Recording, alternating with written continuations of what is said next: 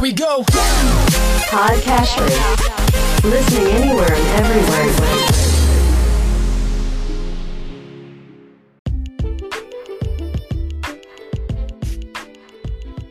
Welcome to Market Outlook bersama saya Ferdian Syahputra dari eSpring Investment Indonesia. Saat ini saya akan membawakan Market Outlook untuk bulan Maret 2020. Seperti biasa, saya akan memulai Market Outlook dari pembahasan makroekonomi global terlebih dahulu. Hingga pertengahan Maret ini, perkembangan kasus virus corona masih menjadi perhatian para pelaku pasar. Pelaku pasar menjadi sangat khawatir setelah penyebaran virus ini menjadi cukup masif di beberapa negara, seperti Italia, Iran, Amerika Serikat, bahkan Indonesia. Para pelaku pasar melihat disrupsi yang cukup signifikan terhadap perekonomian global secara keseluruhan, yang di mana disrupsi ini akan berdampak cukup besar melalui jalur rantai pasokan global, perlemahan permintaan untuk barang dan jasa impor, dan tentunya penurunan pada bisnis pariwisata. IMF sendiri sudah memotong perkiraan pertumbuhan global sebesar 0,5% dari perkiraan pertumbuhan sebelumnya yang sebesar 3,3% untuk tahun 2020 Meskipun tahun 2020 pertumbuhan global diperkirakan melemah dari perkiraan sebelumnya, akan tetapi tahun 2021 nanti, pertumbuhan perekonomian global diperkirakan berangsur-angsur membaik. Kekhawatiran terhadap dampak buruk dari penyebaran virus COVID-19 juga menjangkiti para investor pasar modal di seluruh dunia. Hingga awal tahun, indeks harga saham pada bursa-bursa utama dunia sudah mengalami penurunan cukup tajam. Dan penurunan ini merupakan penurunan yang terburuk pasca krisis keuangan global pada 2008 yang lalu.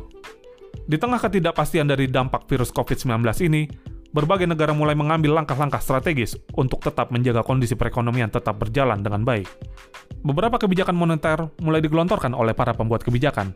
Bank Sentral Amerika Serikat memotong suku bunga dengan sangat agresif dalam beberapa waktu belakangan, di mana The Fed, sebagai Bank Sentral Amerika Serikat, memotong suku bunga acuan hingga ke level 0 sampai 0,25% dari sebelumnya dari kisaran 1 sampai 1,25%. Selain penurunan suku bunga, Bank Sentral Amerika Serikat juga akan menggelontorkan dana sebesar 700 miliar dolar dalam bentuk kebijakan pelonggaran kuantitatif. Selain Bank Sentral Amerika Serikat yang mengeluarkan kebijakan penurunan suku bunga acuan, Bank Sentral Inggris juga turut menurunkan suku bunga acuan sebesar 0,5% untuk menanggulangi potensi penurunan aktivitas perekonomian yang cukup masif. Selain dua negara besar tersebut, Bank Sentral Jepang juga akan melakukan program pembelian aset yang cukup besar untuk menjaga kondisi moneter dari potensi pelemahan virus corona. Terkait kondisi Indonesia sendiri, perkiraan sepanjang tahun 2020 ini pertumbuhan ekonomi masih berada di level yang moderat, di mana hingga Maret ini konsensus masih berada di angka 5%. Kondisi di awal tahun masih cukup menantang karena dampak virus corona yang juga ikut menjangkiti Indonesia. Beberapa data ekonomi terbaru di antaranya adalah laju inflasi berada di tingkat yang cukup rendah di Februari 2020, yaitu sebesar 2,98 persen. Hal ini menunjukkan cukup terkendalinya kenaikan harga barang dan jasa dalam satu tahun terakhir. Di samping itu, cadangan devisa mencapai 130,4 miliar US dollar di Februari 2020, lebih rendah dibandingkan posisi di bulan Januari yang mencapai 131 miliar US dollar. Lebih lanjut terkait dampak virus corona terhadap perekonomian Indonesia, pertumbuhan ekonomi Indonesia diperkirakan dapat turun sebesar 0,2 persen, dikarenakan turunnya ekspor Indonesia, khususnya ekspor Indonesia ke Cina, dan penerimaan yang lebih rendah pada sektor pariwisata.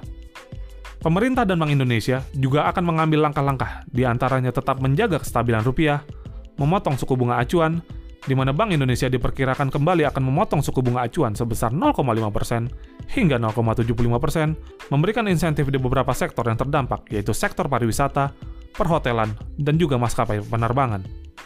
Dengan melihat kondisi makroekonomi global maupun Indonesia yang sudah dipaparkan tadi, kami dari Eastspring Investment Indonesia melihat dalam jangka pendek, volatilitas masih tetap akan tinggi, karena masih dibayang-bayangi dampak dari berbagai ketidakpastian dari kasus virus corona, dan dalam jangka menengah, kami mengharapkan pasar akan mengalami perbaikan.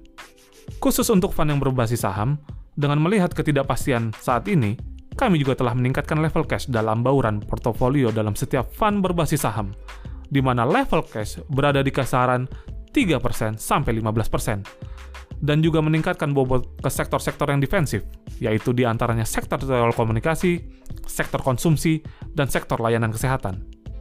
Pada bagian terakhir pemaparan market update untuk bulan Maret ini, beberapa poin yang patut dicatat di antaranya aktivitas ekonomi global masih akan dibayang-bayangi penyebaran virus COVID-19 yang dapat mengganggu aktivitas perekonomian di seluruh dunia di awal tahun 2020 ini.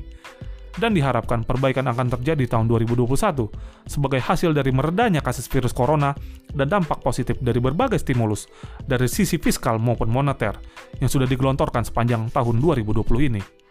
Dari kondisi makroekonomi Indonesia, meskipun juga masih dibayang-bayangi dampak dari virus corona, secara umum, kondisi makroekonomi Indonesia masih menunjukkan kondisi yang masih cukup solid.